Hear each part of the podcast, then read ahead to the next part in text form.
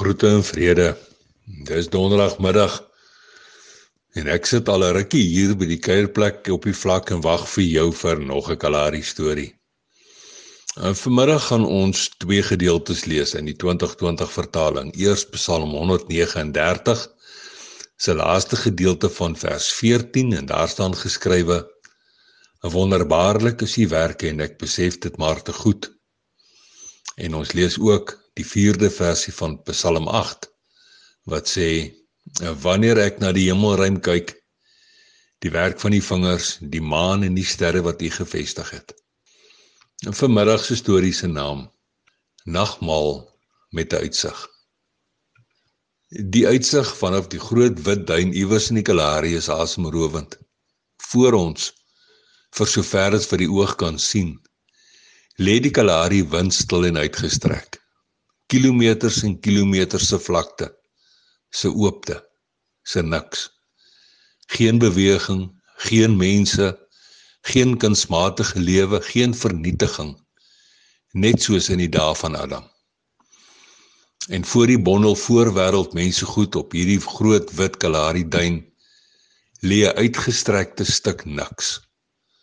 'n stuk oopte wat iewers in die verskiet wegraak Alhoewel dit nog donker is, is elkeen op die wit duin se oë gepriem op die ligrooi leidrade dat die son wel besig is om op te staan.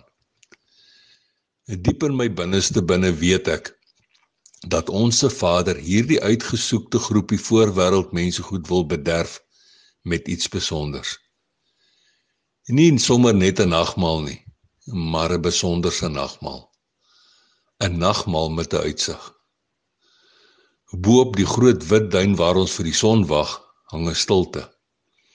'n Tasbare heilige stilte waarin mens op en vasgevang is in die omvang en teenwoordigheid van ons Skepper God.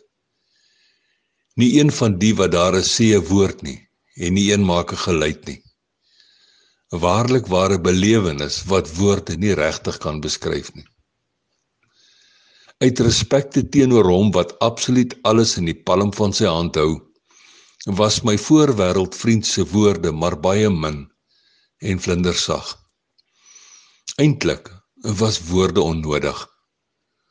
Skielik bly hy stil en opeens is dit stiller as stil bo op die groot wit duin. 'n skamerig kyk die warmste hemellig met sy bloedrooi oog versigtig agter die verste sien uit net om oomblikke daarna met majestueuse glorie aan die wêreld te bevestig dat hy en hy alleen God drie-enig is. Stadig stroom trane skaamteloos oor die wange van die meeste van die vroegoggend voorwêreld duinlopers. Oorspoel trane van dankbaarheid omrede God se kerelkind die volle kruisprys betaal het.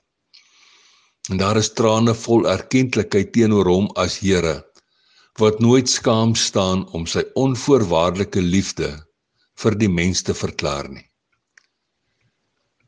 'n Dag op wat nadat die vroegoggendduinlopers weer terug is in die voorwêreld, sit ek die aand buite by die kuierplek op die vlak met my Bybel en my oranje koffiebeker langs 'n klein vuurtjie.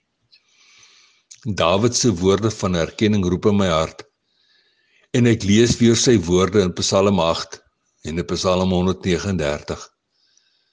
As ek die hemel aanskou, die werk van die vingers, die maan en die sterre wat hy toeberei het. En ek lees ook van wonderbaarlik is u werke en ek besef dit maar te goed.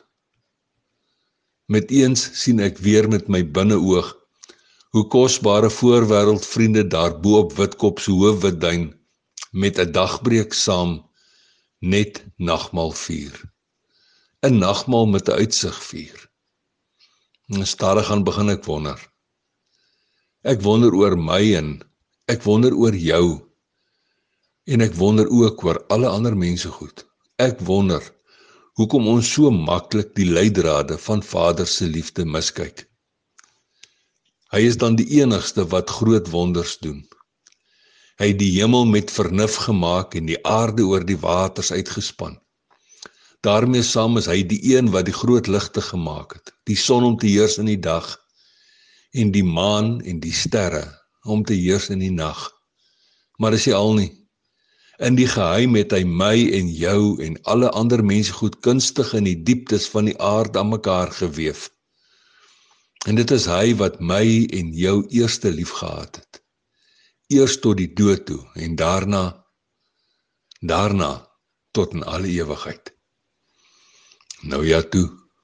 Tot 'n volgende keer.